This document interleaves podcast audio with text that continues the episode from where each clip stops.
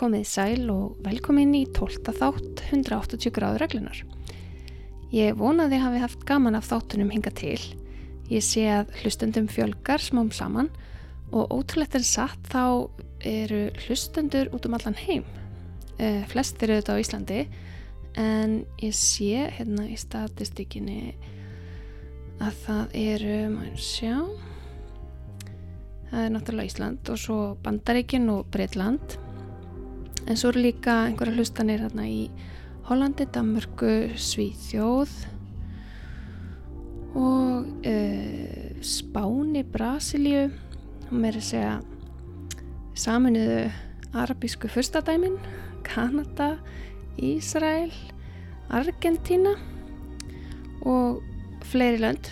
Þannig að þetta er, er skemmtilegt að skoða statistík um, þið megið endilega kommenta eða senda mér lína á Facebook síðinni svo far þá sínist mér ég bara að hafa einn aðdánda það er hann pappi minn sem hefur kommentað á tvo eða þrjá þætti inn á Podbean síðinni uh, þið megið endilega senda mér líka línu eða eru einhverjir ákveðnir í kveikmyndabrasanum sem þið vilja heyra við tal við. Ég er með langan lista af fólki sem ég langar til að heyri en það er líka gaman að heyra frá ykkur.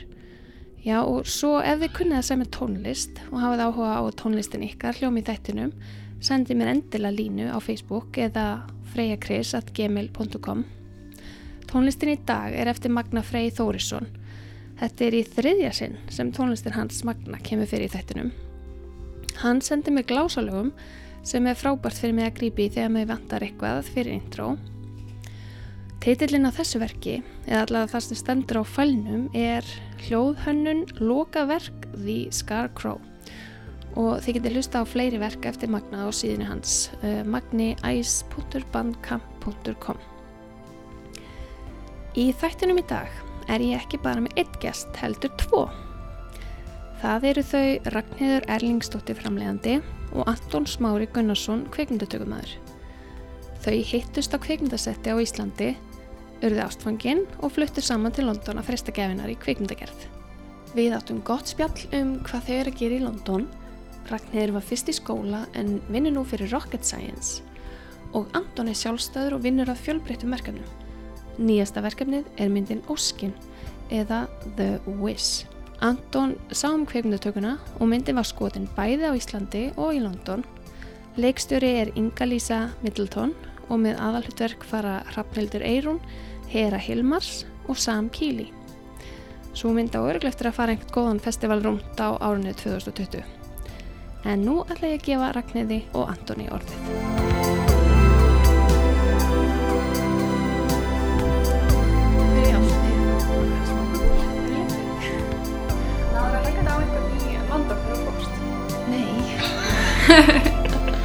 En þið búið í London? Já. Já, Og eru þið, ég veit, já ég veit eða viðkynna, ég veit eða ekkert um ykkur, annað en að uh, þið búið í London og eruð að vinna við kvikmyndagerð já, og uh, Anton, þú ert í kvikmyndatöku já, mikið rétt. og þú sem framlegandi. Já. Já. En kynntist þið, þið búið saman, veintilega, í Já. London? Já, við kynntumst hérna á Íslandi. Já, í, Á- í gegnum kvikmyndatöku eða? Já. Já, Eða kvikmyndagerð? Já, við kynntumst eiginlega á setti. Já, Það var tónlistamindband sem að hérna, við gerðum fyrir Ilju mm. og fyrir lagið Út sem að Erlendur Sveinsson leikstýri og ég skaut og Ragnar framildi. já. Þannig Ok. kynntustu. Og svo, hérna, og bygguðu þá bæði á Íslandi eða? Já. Já. Ok. Og svo fyrir ég ákvað ég að fara út í nám. Þannig að hérna, já, svona ári eftir þetta þá, þá kemst ég inn í skóla úti og, og fer þangað Já. og þá kemur hann bara með. Ok, hvaða skóla var það? Uh, National Film and Television School. Já, í Og- London, Já, hann er rétt fyrir utan London. rétt fyrir það. Ok. Og hérna, já, Og hvernig var sá skóli? æðislegur. Já. Alveg æðislegur. Já. Það, hérna, það hafa verið nokkru Íslandingar í þessum skóla. Já, Um, Óskar Jónas, Óskar Jónas, það mitt. Óskar Skrýbó, var Mhm. þar fyrir einhverjum árum. Og uh, nú nýlega var Dotti, Þórður Pálsson, Já, sem skrifaði hana Valhalla Murders eða Brot. uh Já, nei, þetta er frábær skóli. Hann er hérna, hann er tvö ár og það er hérna, það eru brau, alls konar brauti náttúrulega og í þeim flestum, allavega þessum masters hérna, brautum, þá eru bara átta manns í bekk, þannig að þetta er rosalega litlir hópar, þannig að maður fær rosalega svona persónulega kennslu Já. Og þau miða rosalega mikið við að koma manni í tengslu við uh, fólk, bara fólk í bransanum. Og þannig að þau fá fólk sem er starfandi í dag til að koma inn og tala við okkur. Þannig að það er engir það er mjög fáir, það er náttúrulega svona fólk sem að sér um brautirnar en það er engir fastir kennarar. Þannig að fólki sem kenna okkur kemur bara inn Mm og, og já, þannig að það bara mér fannst það frábært. Hvað er þetta langt ná? tvö ár Tvö ár og varstu á einhverju braut? Já, þannig að ég var á framleiðslu braut þannig að þetta heitir bara producing. Já. og fyrsta árið var svona það var verið að eða tíma í fyrsta árinu í að kenna þróun, handreitsgerð og handreitsþróun og hvernig að vinna með handreitshöfundum og, og náttúrulega leiksturum og, og gefa nótur, handreitsnótur og, og, og svona allt þetta. mm Svo var setna árið meira viðskiptatengt, hvernig á að fjármagna kveimdir og, og, og bara viðskipta umhverfið sem að er í kringum kveimdir. Já, og fegstu fannst þér að fá svona gott uh, tengslanett Já, kringum Algjörlega. Náttúrulega bæði nemyndunir, það var náttúrulega bara æðislegt og maður heldur sambandi við þau hann í dag Mm. og það er, það er mjög mikil veginn. Og líka bara það er náttúrulega svo indislegt að fá að taka tvö ár út og vera bara hverjum einasta degi með fólki sem er bara í nákvæmlega sömu hugleggingum og þú og þú bara vaknar á hverjum degi og eða tíma með fólki sem að eina markmið ykkar er að þú veist verða betra í því sem að þið vilja gera. Það er náttúrulega mm unaðslegt Já, einmitt. En þetta var líka sérstaklega gott varandi tengslanettið hérna svona ídra til að hérna sem sagt, fólk sem bara vinnur í bransanum og að því að þetta snýst svo mikið um í rauninni hvernig það þekkir mm einmitt og þeim að það bara er þannig, það er alltaf leðalegt að segja en það er þannig. Já, Þannig að og það var rosalega gott. mm En hvernig, varstu búin að vera að vinna við framleyslu á Íslandi áður en fórst út? Já, Já, þannig að ég hafði unnið, ég hafði gert kvikmynd uh, sem að Marth Þórsson leikstýri, XL. já, Það var fyrsta myndin sem ég framleiti og svo er ég búin að framleiða einhver stuðmyndir og ég með tónlistamyndbund og svona. Mhm. og, og það var frábært og þá, það var einmitt þegar ég gerði Excel, þá svona átt að ég með á þetta er, aðeins, þetta er bara A, það sem ég langar að gera, Mhm. en B, þetta er ekki hvernig mér langar að gera það. mm. Mér langaði að komast aðeins út og læra meira og komast í starra umhverfi og, og geta lært af fleirum og svona mm. bara, já. já En uh, hvernig hérna, hvernig fegstu áhuga á þessu, á kveikmyndagerð? Það er náttúrulega áhugin að vera til staðar frá upphafi, Já, en mér dætt aldrei hvað ég myndi vinna með þetta. Nei. Það var bara eitthvað sem ég heiti öllum tímunum í, í að glápa á. Um, og ég var að gera allt annað, ég var, að, ég var alltaf í dansi og ég var bara að fara að byrja í námi í því, en svo, svo hérna, fekk ég alltaf síðan í augað og var blind og það hefði mjög miklar, ég mátti ekki reyfa mig í sex mánu, þetta var allt mjög mikið vesen. Það þurfti ég að flytja aftur til Íslands, ég bjóði í hérna Þýskalandi þá og þá þurfti ég bara að endurhugsa allt saman og, og þá, þá sá ég að háskólinn var með hérna kveikmyndafræði þá fyrir ég fyrst að hugsa, hm, er þetta eitthvað sem er mögulega hægt að breyta þessu hobby í eitthvað já, alvöru? Og þá fór ég í kveikmyndafræði sem var æðislegt en það var samt bara, það er náttúrulega bara bóklegt nám og þetta er bara sjálfur eins og læra bókmyndafræði nefnir þetta eru kveikmyndir, mjög akademist þannig að ég vildi gera eitthvað svona verklæra og þá fór ég bara að vinna ég, að, ég var að vinna á kveikmyndasafn Íslands. Mm. það var æðislegt. Mm. það var mjög verðmætt um, og vann á Riff líka í nokkur ár það var einmitt það sem ég kynntist uh, honum, hérna Martini tósinni sem að mm. -hmm. leikst í Excel og þannig fórum við að vinna saman og, og þannig bara gerist þetta já, En þú, Anton, hvernig hvernig byrjar þú í þessum bransa og fyrst áhuga? Það var bara algjörðu slisni eiginlega. Hérna, ég hafði haft áhuga á kvikmyndum bara frá því ég var nógu gammal til þess að sitja upprétt fyrir framann sjónvarpið og bara eitti rosalega miklu tíma í minni esku að horfa á bíómyndir og skrópaði mér þessi í skóla til þess að vera heima og horfa á bíómyndir. En það aldrei pælt, pælt ég að gert, gera það hérna á starfsframa. Og ég fór í gegnum rosalega margar vangaveltur um hvað maður langaði að gera. Og þegar ég var að útskrifast úr MH þá hérna, þá planaði að fara í stjórnmálafræði og mér langaði að vera diplomati en þá hérna en besti vinnu minn er Erlendur Sveinsson hann er mitt bara hérna sagði, sagði við mig hérna herra ég er að fara hérna í kvimtanskóla Íslands í viðtal væri til að koma með mér bara sem andlegu stuðningur? Ég bara já ok, ég vissi ekki eins og skólinn væri til. Já. þannig ég fór með honum og hérna, fór í viðtal sjálfur. Og það bara kviknaði þessi ljósapæra að þú veist, ég geti unnið við eitthvað sem ég hafði ástriðið fyrir Ok. og það var bara ekkert aftur snúið Og fórst í kveimdaskóla Íslands? Já. Já. útskrifaðist jólinn 2010 Já. Og á hvaða dild? uh, Já. Mitt.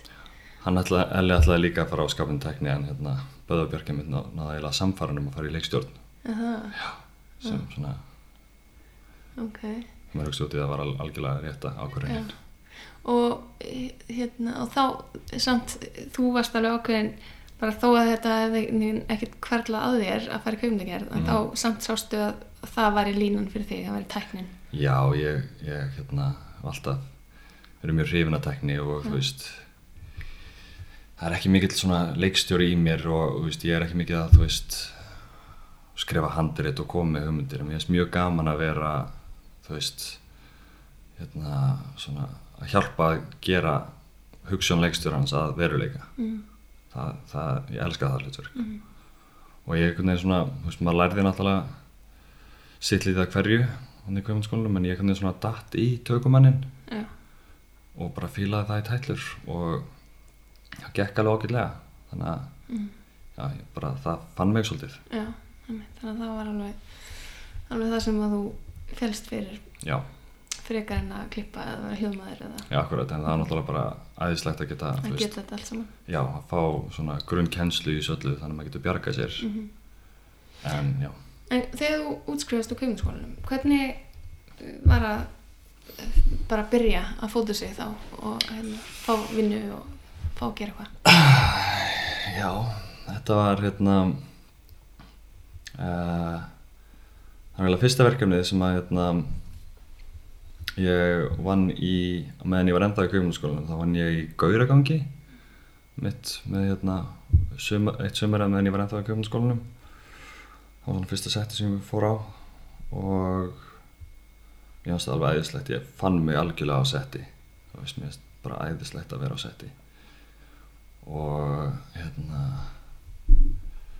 og það er svona dæmi í hérna í kveimdaskólanum það sem maður hérna skýtur svona pilot fyrir þáttaserju Mm og tökumæðurinn hérna, þegar ég var að gera þá var tökumæðurinn Átni Fyl og ég nað, náði að vinna hluti vel með honum og hann hérna maður ennþá eftir ég, hérna, klukkan var svona eitt eða tvö um nóttu.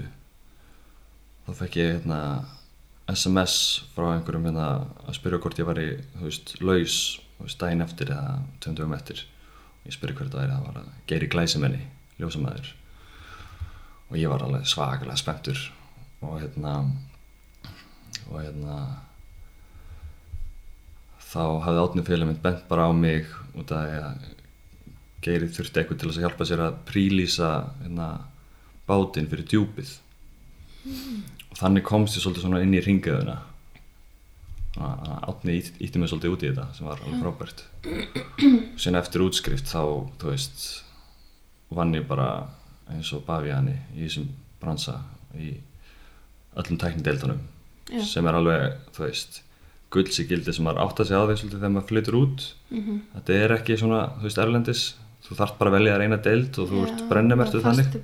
Já, en þú veist Íslandingar, þeir, ég held að þeir búið rosalega vel að því að þú veist, að hafa veist, þekkingu í, í þessu öllu og það, mér finnst það hjálpa mér rosalega mikið sem tökum úti að, veist hafa unnið í grip og kameru og ljósum. Já.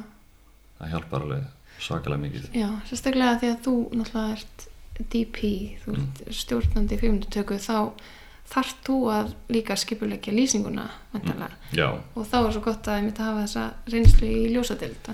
Já, það er um máli út að ég meina í hinu fullkomnu heimi, þú veist, þegar maður er vinna sem kveimundtökumæður þá er maður með bara besta liði í kringu sig Mm og getur reitt sig á það -hmm. en þegar maður vinnur í meira svona low budget Já, stöfi sem maður byrjar alltaf að gera Einmitt. þá er það er rosalega gott að geta bara kipt í taumana og þú veist, ef maður það fæst ekki, þú veist reyndur ljósamæður eða, eða AC eða hvað þá grippari, það er mjög erfitt að fá grippara í low budget í London Útskýrðu aðeins að því það er kannski ekki allir hlu- hlustendur sem vita hvað grippari gerir.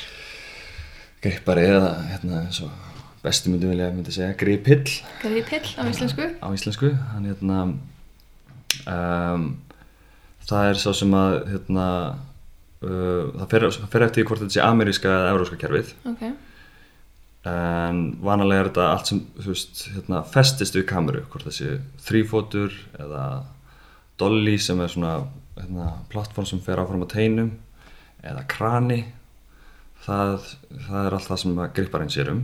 Og eða ef þú þarf að festa, festa kameru einhver á, á einhver skrítin stað eða á bíl eða eitthvað svo leiðist það, það er það sem gripil sér um. Og oftast er hann svona líka svona umsjónamaður um hérna, öryggi á setti. Og það er svolítið svona európska kerfið. Í bandaríska kerfinu þá hérna, sér gripillin líka um alla ljósastanda og öll flögg og allt sem við kemur ljósum fyrir utan ljósa hausana sjálfa og rafmagnið. Mhm. Það er svona munurinn þar á. En já, það er svona það sem gripill. En í bandaríkjunum er það eitthvað öðruvísi þá? Já, í Já. bandaríkjum er það, þá er hann með hérna, ljósastandan og flöggin og allt það. Ok, einmitt. Já, ég datt aðeins út. Það klippa þetta til eða ekki? nei, nei, það má alveg vera inni að hvað, hversu villis ég er.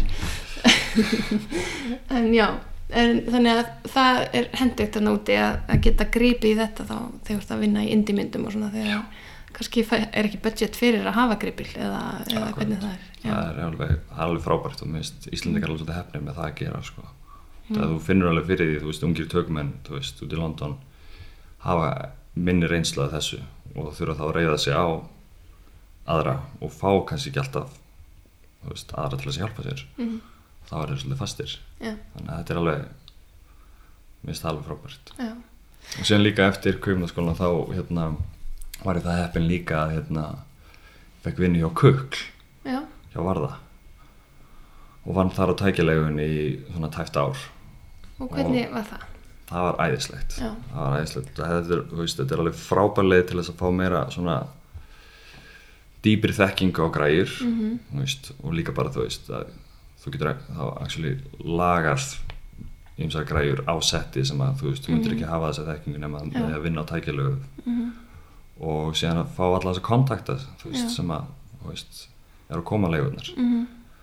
og ég fann einmitt fyrir því þú veist, við hérna ég sótt um sama skóla og Ragnæður uh, NFTS og sótt um að reyndar þrésasinnum Já, komst aldrei inn ok. meðan Ragnæður komst inn í fyrstu tilurinn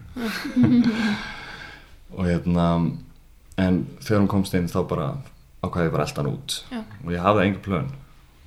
En hérna byrjaði með að vinna á bar og eitthvað. Ég held, að, ég held svona veist, íslensk, eða veist, bláið í veist, Íslandingurinn ætlaði bara að komast inn í bransan og bara meika það en þetta er líka mjög mikil klíka að núti, Mhm. erfitt að komast inn í ringiðuna þar. Ég ætla að reyna að komast inn sem best boy eða second AC eða eitthvað líka. Fannst það mjög erfitt þannig að ég endaði með að sækja um að komast á tækjaleguna hjá Arri Arri Rental Já, komst þar inn og kannski að því að þú varst búin að vinna hjá Kugl. akkurat með því að hafa unnið hjá Kukl og hafa unnið á setti þú veist í þessi 6 eða 7 ár sem ég gerði en ég flutt út. Mhm. þá hérna þá kom sér strax bara í stöðu að vera camera technician og var þá að þú veist, tjekka alla græjur þú veist, áður en að krúið fekk það og síðan þegar græjuna komið aftur inn þá var að tjekka hvort það var allt í lagi að hann fór aftur á hilluna. Mhm. og þá var maður að vinna á svolítið stórum skala líka þú veist, þá vorum við að preppa fyrir þú veist, Marvel myndnar og Star Wars myndnar og allt þetta dæmi og, og þar fekk ég líka að, læra á hérna, filmum vélar. Mm. að preppa þær og lóta þær og allt það dæmi. Þetta var alveg rosalega góð reynsla og emitt að hérna, kynast krúi Já. og kontaktum síðan eftir að ég vann hana í ár og átta mánuði og Í fullu starfi, bara þannig. í fullu starfi og málið er sko ef maður vinnur hjá Ari og eins, þá hérna ef maður er með tryggingu sem að bara borga sem kostar eitthvað 600 pund fyrir ár þá gæti maður notað græna þeirra sem voru á heilunni sem maður ekki verið að nota Mm. fyrir sig sjálfan. Og þannig að ég náði að eitti öllum mínum frítíma helgum og hérna, öllum frítíðum sem ég átti í að skjóta. Og hérna, seldi sjálfum mig svolítið á það að vera með hennan arri kontakt Já. og það var svolítið svona Þannig að þú mátti lána, fá lána greiðar á þess að borga neitt, bara vera með þessa tryggingu akkurat. ef eitthvað myndi skemmast. og það er svona stökkpallurinn sem ég nýtti mér til þess að þú veist komast veist, inn í þetta allt, allt saman og meiri sér ennþá núna eftir að ég hætti hjá Ari þá er ég ennþá með mjög góðan veist, þetta er alveg fjölskylda mín hérna Já, hjá Ari núna. Þannig að ég þau veist, hjálpa mér líka að fá mjög góða díla og Mhm. allt það. Þannig að ég er svolítið degraður upp á það að gera. Já. ég geta bara alltaf verið að skjóta þessar Mhm. æðislegu græður sem þau bjóðu upp á. Mhm, og það hefur hjálpað mér mjög mikið til þess að stökkva ég út í þessa djúpu laug. Það ég, ég hefði alveg getað farið þú veist aftur í svona traditional pakkan að hérna fara að vera kamerassistent og Mm. þú veist unnum upp stegan ákvað bara þú veist hoppa út í djúpu laugina og bara vera tökumæður já, og hef verið að gera núna í tvö og hálft ár og náða að halda mér á floti já, vá, mér finnst það alveg geggjað já, ég var alveg pínu smegur við það einmitt. en Þannig að það er bara full time job núna. já, það er eina geri Já. Og, og þið eru bæði í þeim pakka núna, þá verktakar. Nei, ég er, er ekki verktaki, ég vinn fyrir fyrirtæki. Þú vinnur fyrir fyrirtæki. Þannig að þetta er fullkomið, Já. við erum svona öfundum hvort annað mjög mikið. Ég hann að frelsinu og hann mig að virðinginu. Já, já, einmitt. Já, þetta er, þetta er kostur og gallar Mm, við já, bæði. það má líka alveg bæta því við að ég gæti ábyggilega ekki hafa gert það sem ég er að gera ef að, þú veist, ég var ekki með stuðningin frá Ragni Já. þar sem hún er með bara, þú veist, fasta tekjur hverju. Já, það er ekki hlaupið, það náttúrulega London er rosalega dýr borg Mhm, Einmitt. og, og, að því að, og það er uh, mikið meira af tækifærum Mm. en það er líka miklu meira samkjöfni þannig Já, að það er bara mjög erfitt. Já, hvað, hérna, uh, hvaða fyrirtæki ertu að vinna hjá? Það heitir Rocket Science Já, og þetta er sölu, framleiðslu og fjármögna fyrirtæki. já, Rocket Science. Og fegstu þessa vinnu bara fljótlega eftir að klára þér eða? Já, ég hérna var að mitt mjög bara heppin, ég, sko það sem maður gerði þegar maður var að fara að útskrifast er að maður fór út og bauð fólki í kaffi, bara öllum sem að mögulega maka dreigð út til þess að fá sér kaffibólla með vegna þess að þetta er svo mikið eins og Anton var að segja, svo mikið klíka Mhm. og að það er, eng, það er ekkert starf auglýst sko fyrir utan náttúrulega að maður er að segja um Universal eða eitthvað hjá Mhm. einhverju risastóru fyrirtæki. En annars eru þau ekkert auglýst einstæðar og það er engin, engin svona official umsóknar ferðliðan eitt þannig. Þannig að þeirra störf losna þá þá fréttist það bara út og fólk spyr og, Mm. og, og finnur einhvern veginn mannesku þannig. Þannig að það var rosalega mikilvægt að vera á radar sem flestra. Og þá, þá var bara tekum maður fólk út í kaffi og maður spjallar og segir þeim svona reynir bara í rauninni að selja sjálfa sig og hvað maður, hvað maður vill gera og hvað maður getur gert og vonar síðan að, að rétt starf losni á réttum tíma. Þetta er, þetta er ekki hérna já, það var ekki löpaði en ég var rosalega heppin og, og eins og ég segi þetta með hvað skólinn kemur manni mikið í sambönd við fólk og við fengum öll svona hérna mentor og, og þannig til dæmis fekk ég því að þetta fyrirtæki uh, var bara startup þegar þetta var þú veist tryggja mánuða fyrirtæki þegar ég byrjaði hjá því. Já, það var alveg nýtt. Og um, og það var svona minn svona mentor, hún hérna vann mikið með, með þessu fyrirtæki, hún er, er framlegandi og, og hún, og þegar ég sagði henni hvað ég vildi gera og þá sagði hann að það ljómaði eins og ég ætti að heyra í þessi, manni sem er núna yfirmaður minn. Þannig að ég og hún setti mig saman við hann og við fengum okkur mitt kaffi. Og þá bara voru stjórnunar allar réttar og hann var einmitt að leita mannskja sem mér og ég var að leita að starfi og þetta var bara gekk upp en þetta er alls ekki einhvern veginn algengt að það sé svona hlaupið að því sko, Nei, alls ekki strax maður útskrifast. Nei. Já, þannig að þú uh, fegst þarna vinnu og hvers konar myndir eru er, uh, þetta fyrirtæki að framlega? Er það Þetta eru allt ens, eh, sem sagt, ensku, hérna, myndir á ensku Já, uh, og, og þær eru svona meira svona, hvað sem er svona commercial, nú verð ég bara fyrirfram að stafsökunar því ég eftir að sletta mjög mikið, mjög ofenni að tala um vinnuna Ég- mín á já. íslensku. En svona commercial myndir uh, allavega sem sagt, já.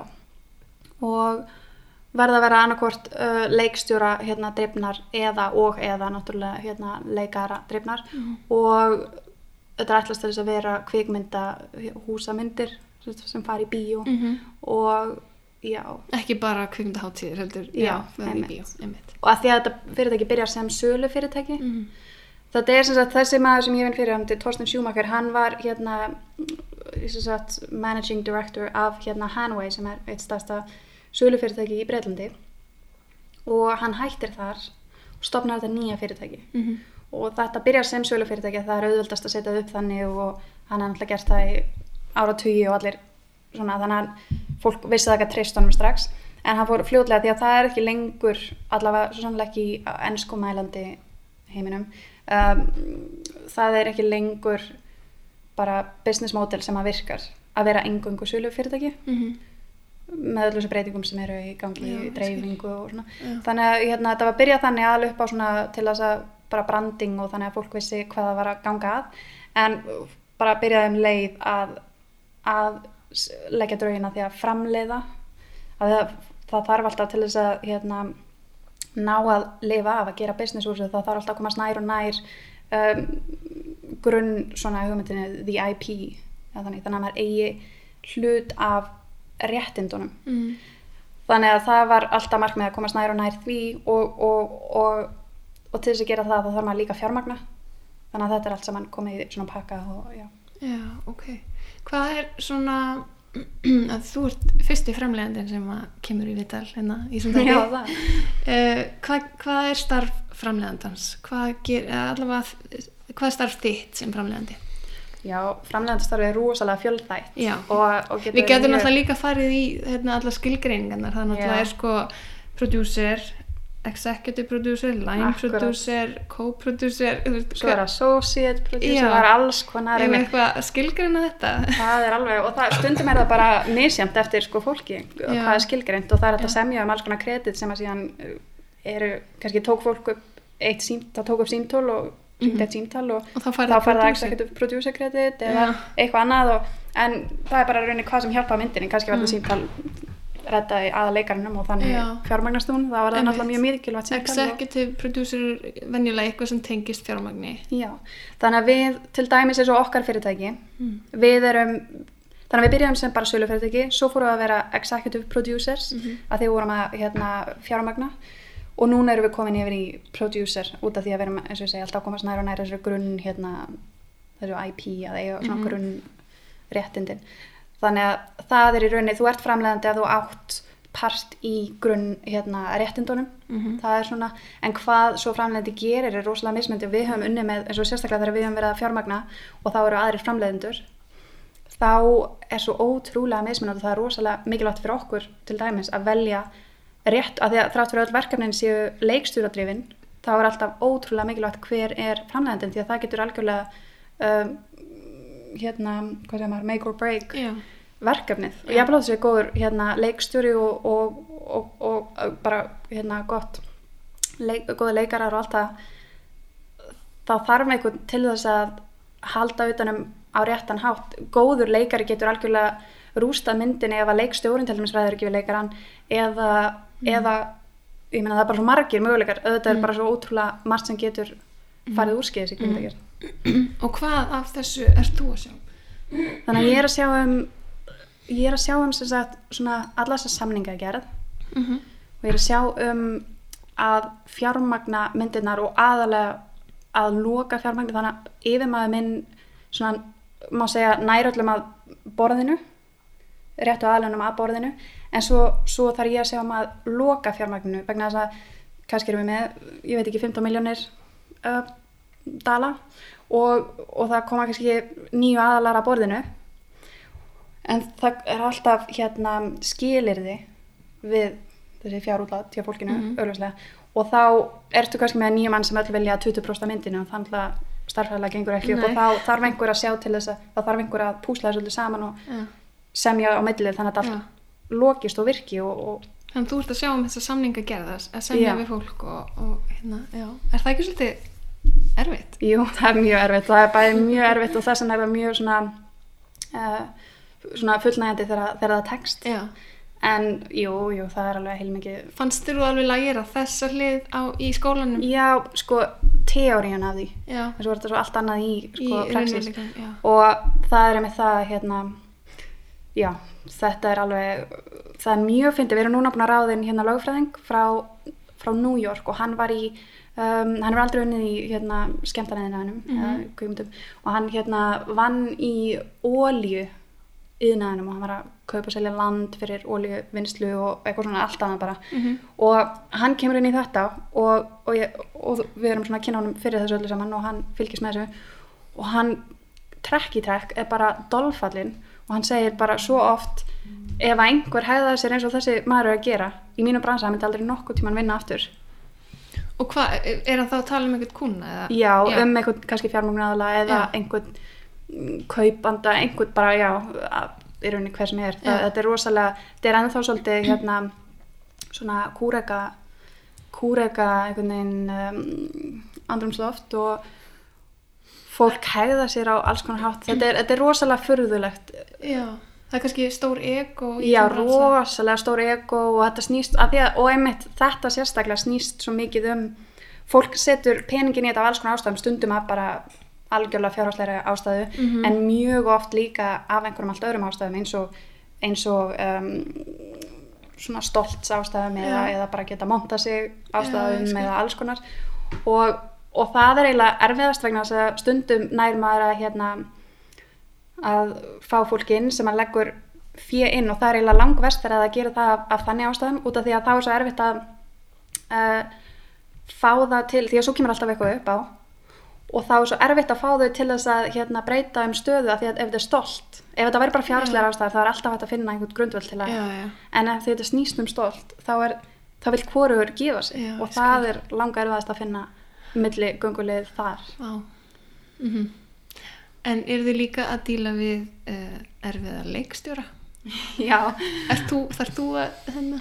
Nei, það er svona helst í, hérna, sko það sem við komum í, við, við erum með náttúrulega mismunandi, alveg eins og framleiðendur, sumir framleiðendur er mitt, um, eru með sína einu hugmyndir og jáfnvel ráða handritsöfunda til að skrifa sína einu hugmyndir, aðrir uh, vinna með leikstöru sem koma til þeirra með verkefni Já. og svo eru náttúrulega aðrir framleiðendur sem að eru svona meira service providers og kannski þjónust erlend verkefni og svona. Já. og stundum er sami framleiðandi gerir öll, alla þessa hluti á Já. mismunandi tímum og svona.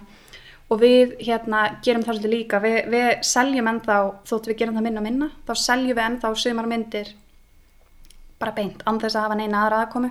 Já, þá bara tökum við þessari mynd og, og reynum að koma inn í bíóhús dreifingaraðla út um allan heim. Já, það er eitt partur. Svo, en það er svona minna minna því að það er bara langminnst arðbærast. En þannig að það sem við erum að gera meira meira er að hérna, taka handrit sem eru á handritast í klára að þróa, þróa þau, þá eru það alltaf á einhverjum ákveðnum stað, Mm. klára að þróa þau og svona sem heitir á ennsku package sem að ég veit ekki alveg hvað heitir á íslensku en það bara að hérna setja utan um það uh, lið, leikstjóra aðaleikara, Mm. framleiðendur og, og svo, og svo munu þau náttúrulega bara taka þann bolta og, og skil. myndina svo kemur hún tilbaka og þá erum við involverið í klippingunni og öllu því. Og svo, og náttúrulega fjármagnaði og svo að sjá um að selja þau og já. Þannig að þið finnið leikstjóran, það er ekki leikstjóri sem að þetta er ekki hans passion project, hann hefur skrifað þetta eða eitthvað þannig. já, stundum, stundum er það þannig. Já. en stundum kemur þetta til okkar með kannski leikstjóra. Mm. stundum kemur þetta til okkar með aðaleikara en engan leikstjóra. Já, stundum kemur það með ekkert að þessu. Mm og já, já, bara allir gangur á sig. já Uh, já, einmitt. Um, þannig að og þetta svona day to day, það, hvernig er, er, vin, er ekki rosa langir dagar, þannig vinnudagar í London? Allavega kannski með commute og allir því. Jú, með commute, það er svo betur fyrir bara hálftími fyrir mig Mm -hmm. en jú, það er það alveg hérna það er aðalega kannski að því að við, við vinnum svona alþjóðlega, við vinnum mjög mikið með LA og Kanada sem er svona Mm. ofta á New York tíma og svo líka með bara öllum heiminum og Kína til dæmis Mm. mikið, mikið fjármagna koma frá Kína. Þannig að maður er á öllum tíma hérna, já, samtímis. Þannig að það er svolítið hérna sveigjanlegur vinnutíminn Já, stundu þurfum við að vinna kannski á kvöldin til þess að samband við LA og, einmitt algjörlega, það er oft símtöl á kvöldin, mjög oft að og þá er líka miklu meira skilningur að maður fari til náms fyrir heim eða, eða eitthvað komið setna inn líka. Já. Já. en jú, það er alveg um, jú, þetta er mjög langið tímar og ég var einmitt að hérna, það var svona markmiðið mitt og draumur að vinna að geta haldið áfram að framlega mín eigin verkefni Mm. svona í hjáverkum og ég byrjaði að reyna það en ég var að gefast upp eftir svona eitt og allt ára því og var ég bara viðkynna fyrir sjálf mér og það er bara ekki mögulegt eins mikið og mér langaði það þá Því að er bara, þetta er svo mikil vinna. já, já, þetta er með helgar og, og þú veist, þetta er bara alltaf sko. Og maður er alltaf að vera viðbúinn það er mjög erfitt að fara út sko á fyrstu degi og fá sér drikka því að Mhm. svo getur verið að maður þurfa alltaf hana Já, ok. þú veist, þannig að já, það er ekkit líf fyrir utan þess að vinna það. nei, það er alveg pínu svolítið. En getur þú séð alveg fyrir þér að vinna þarna mikið lengur? En þú ert ánað í þessu starfi? Já, meðan ég er ennþá þannig að ennþá er, er mér augrað og ég er að læra Mhm. það er það sem að heldur mér ennþá hérna, áhuga samri um þetta. Mhm. en þetta er kannski ekki þetta er ekkert endastuðin alls ekki. Og já. En þetta er- gott á þá- Já, já, algjör Um, en ég sá að þú framleitir hérna Rainbow Party, það er íslensk Jú. það ekki? Eva Sigurðar, einmitt Hver, var það þá áður en þú byrjar hjá þessu fyrirtæki eða? Já, það var í rauninni þegar ég var ennþá á Íslandi Mhm. þá byrjaði það og svo hjálta áfram meðan ég byrjaði fyrst árun í hérna, náminu Mm. en við hittumst, ég og Eva hittumst fyrst meðan ég bjó ennþá hérna á Íslandi, þá var hún nýflutt einmitt frá London, Já, það var hérna skemmtilegt já. og, og svo flutti ég út og það var hérna ákveða hendut af því að þetta var hluta til fjármagna af film London Já, þannig að hérna, já einmitt. En Anton, hvernig er svona típiskur dagur hjá þér? Eða vika? það getur bara verið alls konar. Það getur verið alveg, já, það er mjög mismunandi, þetta er mjög bipolar bransi. Mm -hmm.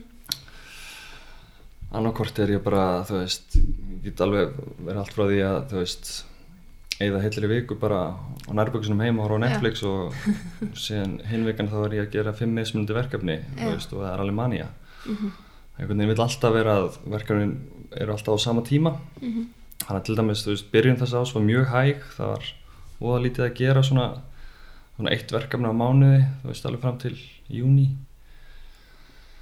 En síðan bara kickstartaði þetta í gang og ég bara setni helmingurinn á þessu ári hef búin að vera bara rosalega busy Já. sem er frábært. Hvernig verkefni er þetta? Eh, Þetta eru, þetta eru aðalega stuttmyndir, tónlistamindbönd, um, auglýsingar og heimildmyndir. Já, það er aðtur skalið. Já, já. Já, Og ég er mitt að vonast til að þú veist, það eru svona blíkur á lofti með næsta ári að veri hérna, ég held að séu tvær, ef ekki þrjár myndir í fullri lengd sem eru svona í pípunum. já. En ég menna það, Er það þá fyrsta myndin þín í fullri lengd já, sem þú ert DP á? já, Já. ég hef ekki, ég hef ekki skotið mynd í fullri lengd ennþá. Já. En vonandi breytist það næsta ári. Já, frábært. Já.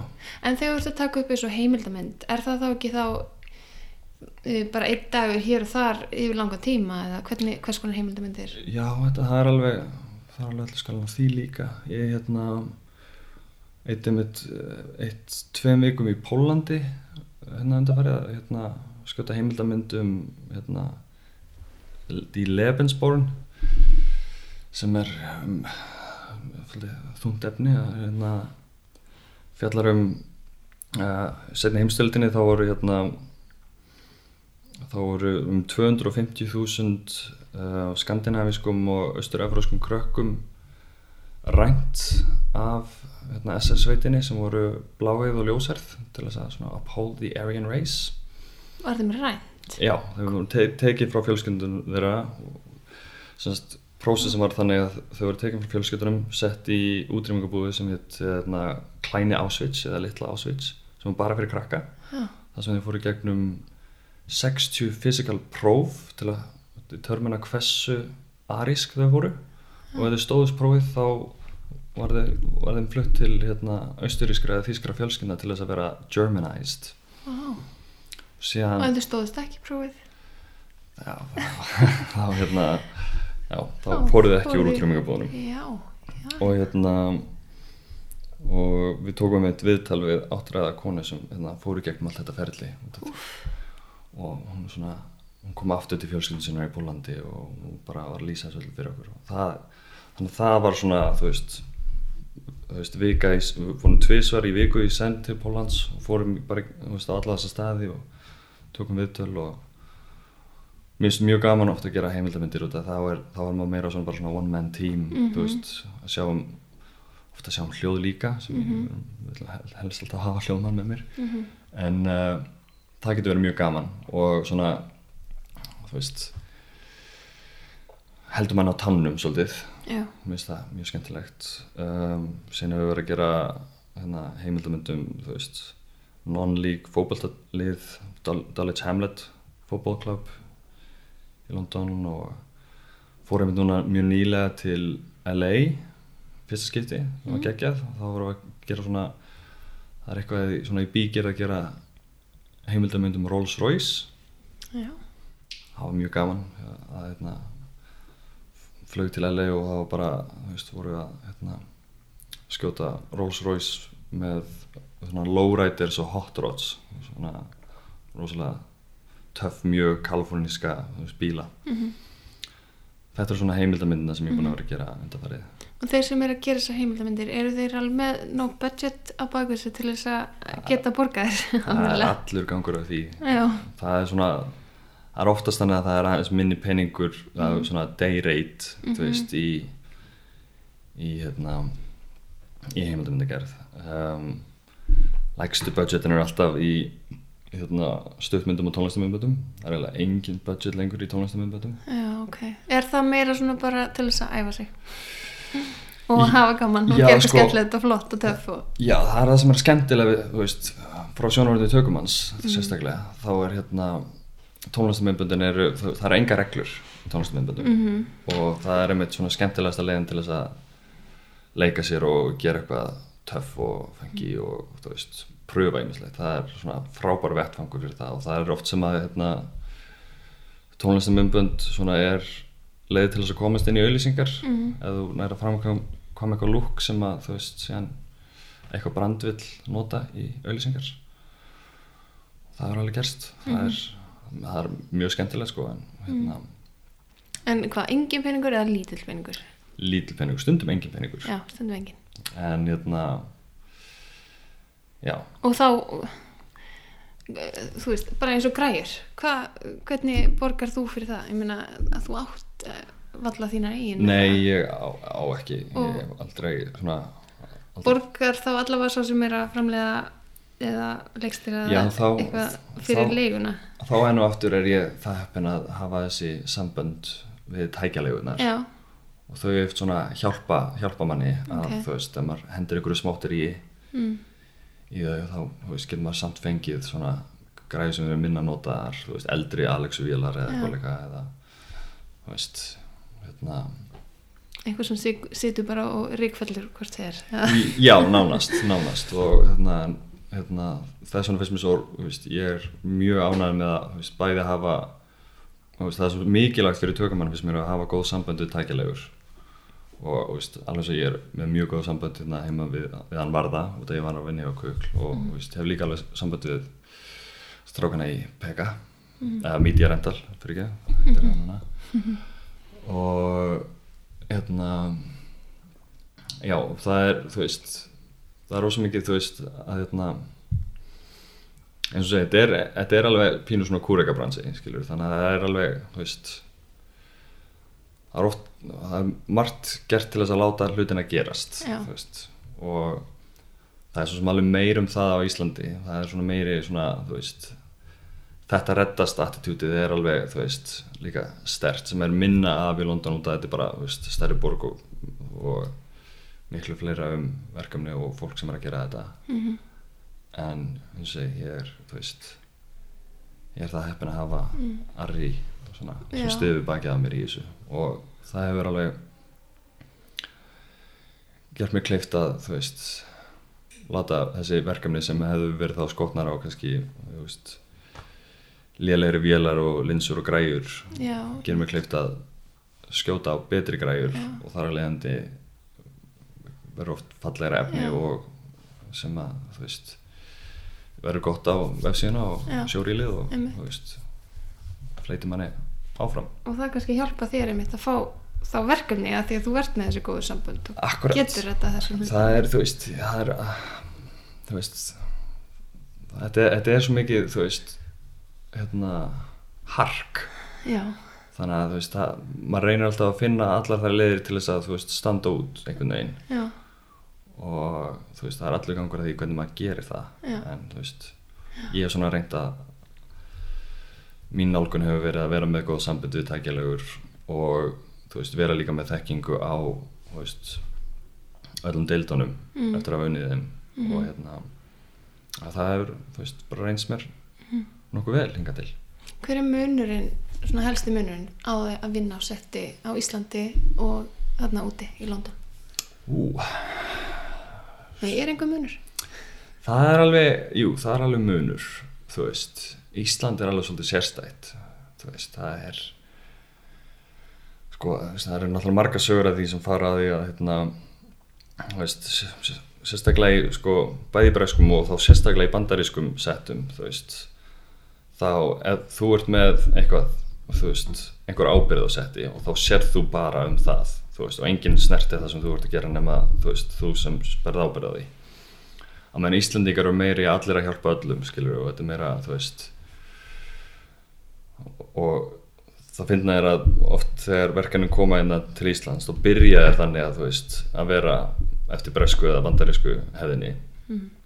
og en síðan einhvern veginn svona þróast þau út í að verða íslensku leiðinni allir að hjálpa, hjálpa stað og en þú veist það er veist, mér finnst líka brannsefna í Íslandi hafa hérna, breyst alveg rosalega mikið bara senstu tíu árum og það verður bara alltaf betri og betri og sérstaklega eftir mm. að sprenginguna sem varð þarna 2012 þegar það voru alveg fullt af verkefnum hann í trekk í trekk og þú veist og brjálað að gera í Hollywoodmyndum og allt þetta og hérna og er alveg mikið að gera þá þú veist mér finnst Ísland vera á mjög háum mælikvarða hvað varðar þú veist crew og þú veist set etiquette og veist þú veist, það er rosalega mikið og rosalega góðu fagfólki hér á landi. Það er kannski líka svolítið svona ástæðan fyrir að þú veist ég er erfiðar með að hugsa að koma aftur heim og þú veist búa hér og vinna hér er að það er til bara svo rosalega mikið af til dæmis mjög færum tökumönnum Já, fyrir, hennan, fyrir þetta litla land já, að þú veist, ég held þú veist, í raun og veru að væri þú veist, erfiðari fyrir mig sem tökumann hér já. heima heldur en er úti út af það eru miklu fleiri verkefni Það eru Og- fleiri verkefni úti, já. Já. Það eru, einmitt, við erum, við erum færri hérna, en það eru líka miklu færri verkefni. já, og en sem miklu, miklu meira af Hæfileikar ykkur fólki. já, Já. við erum alltaf að vinna allt sam, samkvæmt höðutölu Mm, og hérna, en þú veist ég held að bransin hérna heima er ennþá, þú veist, allan var það þegar ég var, það var ennþá 12 tímanir á dag já, og svona oft bara hálftíma matur í Breitlandi þá var það 11 tímar á dag og klukkutíma matur já, og það er alveg svolítið, oftast er það svolítið stránt. En annars verð er þetta allt sama tópakið skilju, þetta er, þú veist. Hva, er einhver þeirna, eins og ef við erum að taka upp uh, lengri mynd er hversu marga dagir röð getur þið unnið þessa 11 tíma daga? Það er allur gangur á þau líka. Það fer, það fer oftast bara eftir hversu mikið budget er í myndinni.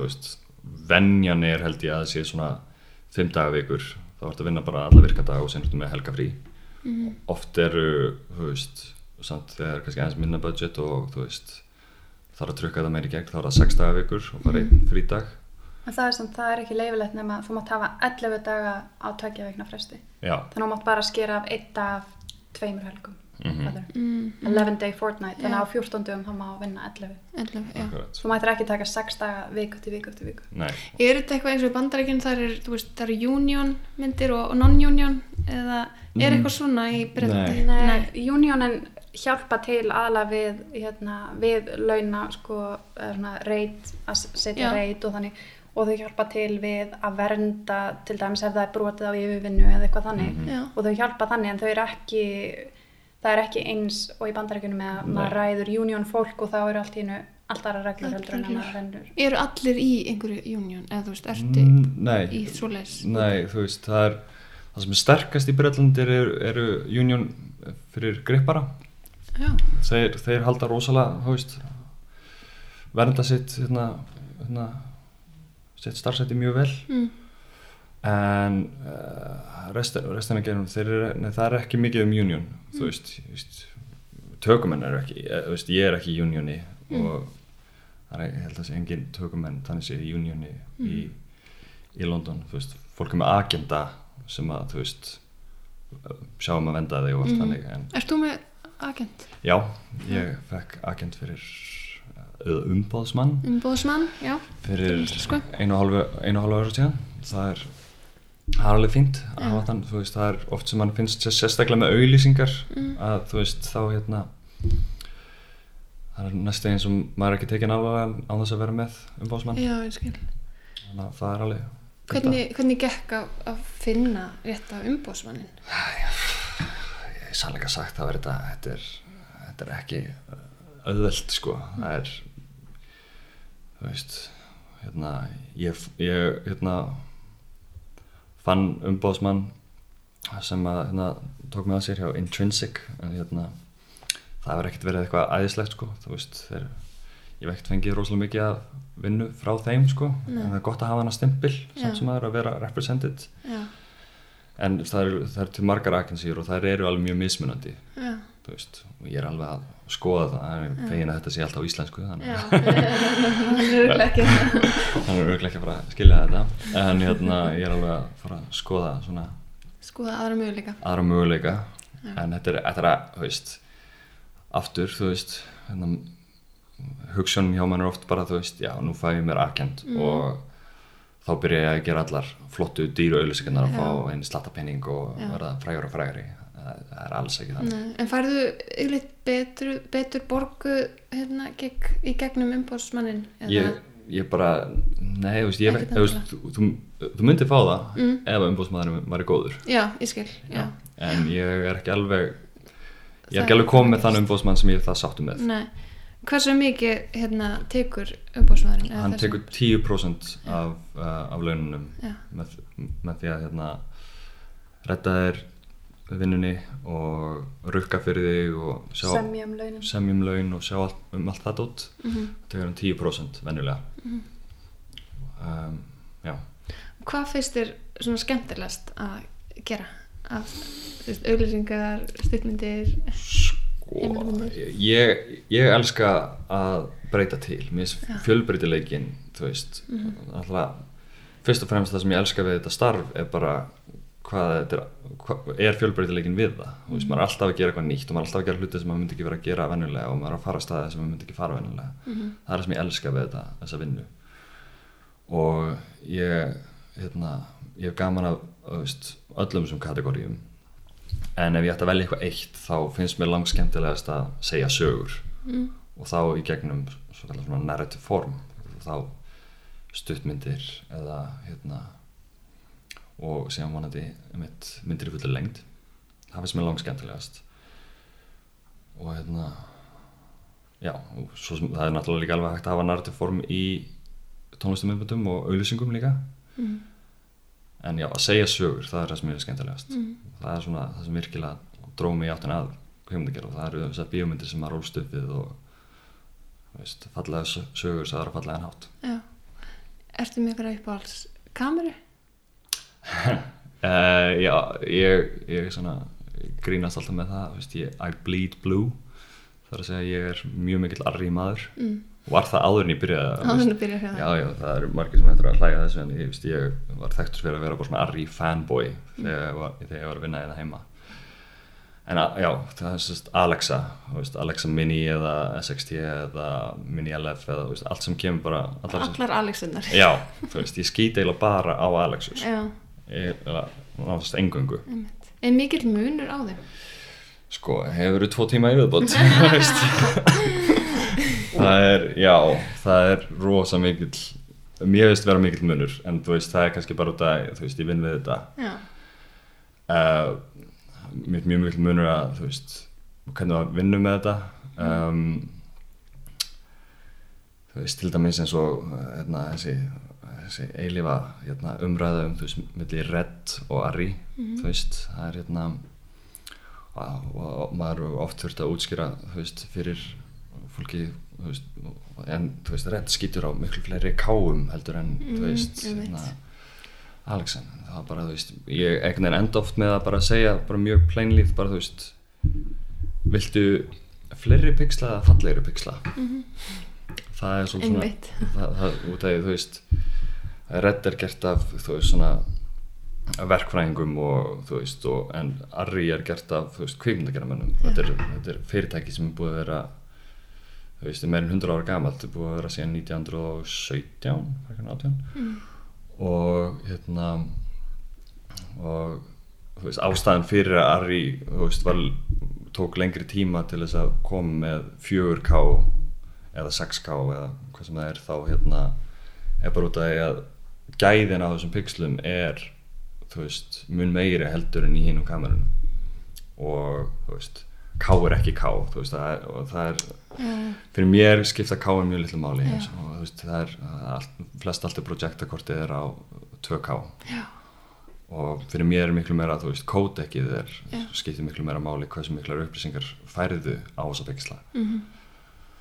og þú veist, latitude hversu mikið af hérna upplýsingum sem fær frá dökkum yfir í ljósatóna og hérna allar þessi pakki þannig að og síðan er bara svo mikil unnaður að vinna með að, veist, Alexander. Það er bara, veist þetta er gert af hvað ég myndi að gera fólki fyrir hvað ég myndi að gera fólk.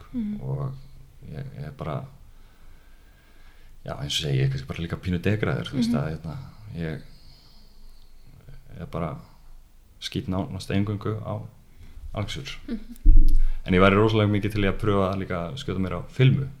Já. Hefur þú gert það? Ég hef ekki skotið hérna, vídeo á filmu en þá döðlangar til þess. Uh, ég, ég skýt mikið að ljósmyndum á 35mm filmu. Og hérna og ég er náttúrulega búin að læra á filmuvélar alveg fram og tilbaka með því að vinna hjá Arri og allt það.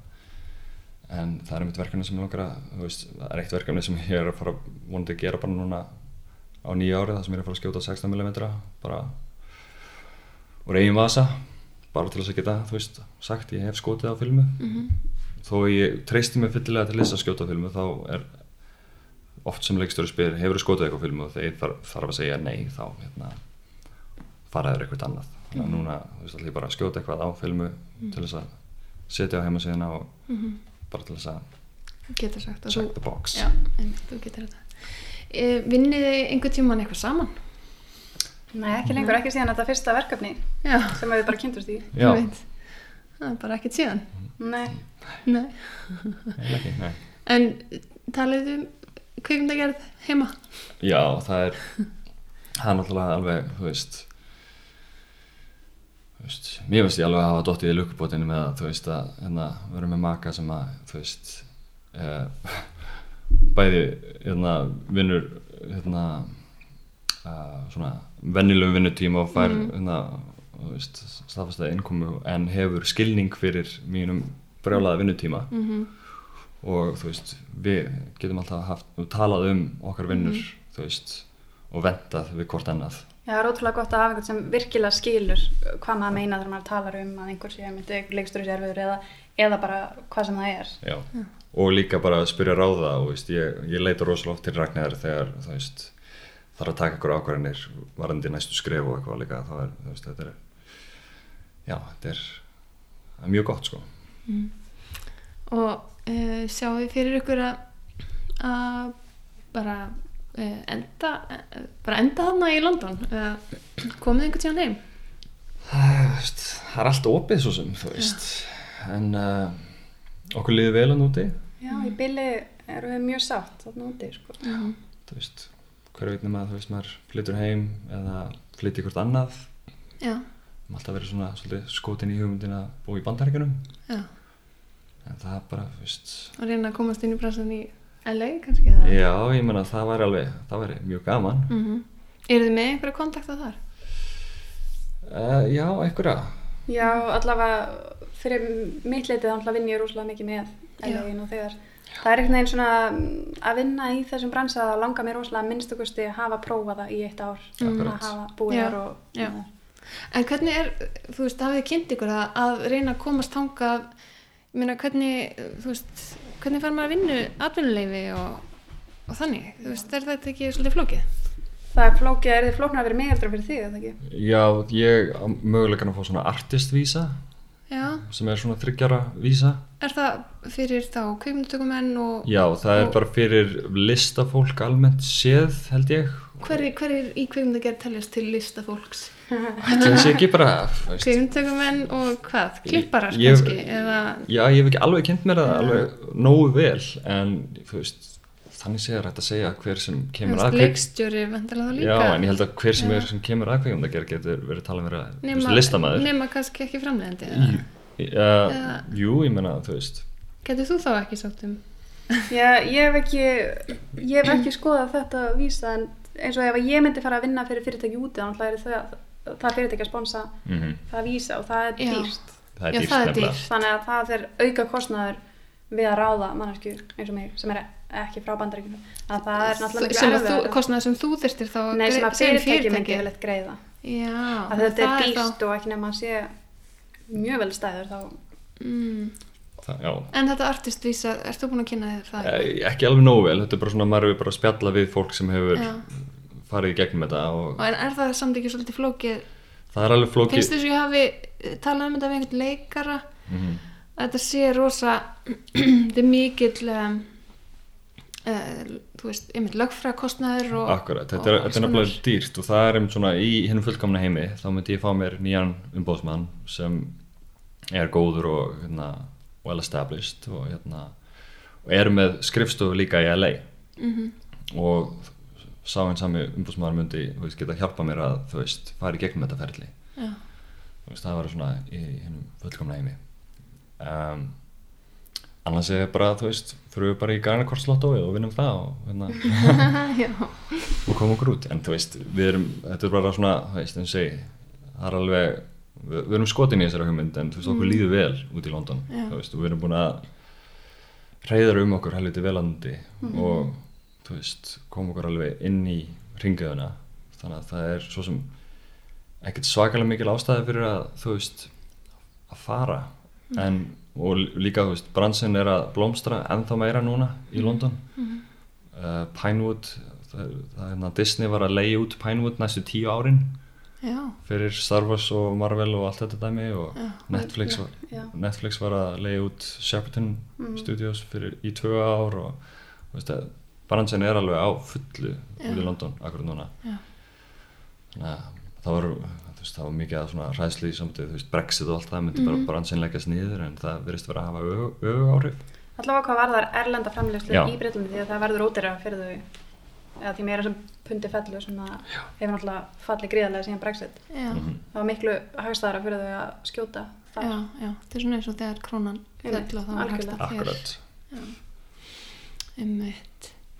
En já, svo var náttúrulega líka stittra frá E- Englandi til Íslands. Satt. Það er mjög stutt og í rauninni að fljúa á milli. Já, mér hefur það alveg fundist það alveg æðislegt. Og minnst ég verið, hafa verið svo heppin með það að hérna, ég hef verið að skjóta hérna, allavega minnskosti eina stuttmynd á ári á Íslandi. Já, þannig að þú ert alveg að koma fram og tilbaka. mér finnst það alveg æðislegt. Komast aftur hérna, til íslensku hérna, kvikmynda fjölskyldunum minnar Já. og, fá að vinna hérna heima. Mér finnst það alveg frábært. Er frábært. og það er einmitt auðveldar út að maður býr bara í þryggja tíma flugferð frá Já, einmitt. En nú eru þið komin heim bara til þess að halda jólafrí. Já, Já, ég en Anton er eitthvað að þykist að bara skjóta þau þrjú verkefni og... Nú, ok. Já, það held að séu tvö núna Ok, Bara í jólafríinu, myndi jólaljós eða? það uh, Ég ætla ekki að vera að tala ómikið um það út af Nei. út af það er ekki búið að, þú veist hérna, allt er ekki staðfest en það er vonandi einmitt hérna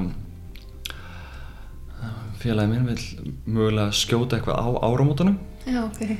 þannig að það eftir að pitcha því almennilega fyrir mér við sjáum hvernig það fer.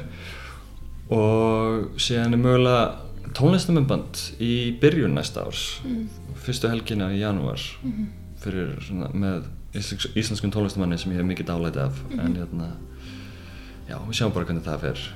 Mér finnst það alveg gaman en ég veit, var ætlaði að koma eitthvað í frí Já.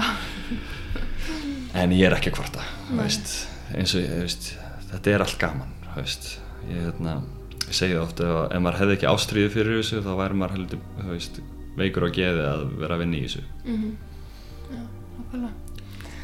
En eru þið búin að kaupa alltaf jólagjær? Já, já. já, Já. já, Maður þurfti að vera búin að því aðra maður kom til þess að geta... Já, öfnilega. Það er svo, það er svo brjálega að gera þegar maður býr í úrlundum og kemur heim. Þá þarf maður alltaf að hitta alla, eða ekki? Jú. Jú. Já, Jú, þetta er alveg, þetta er alveg prógram. Þannig að ég ætla ekki að halda ykkur mikið lengur. En, það er bara frábært að fá okkur í spjall. Já, takk fyrir að hafa okkur Takk.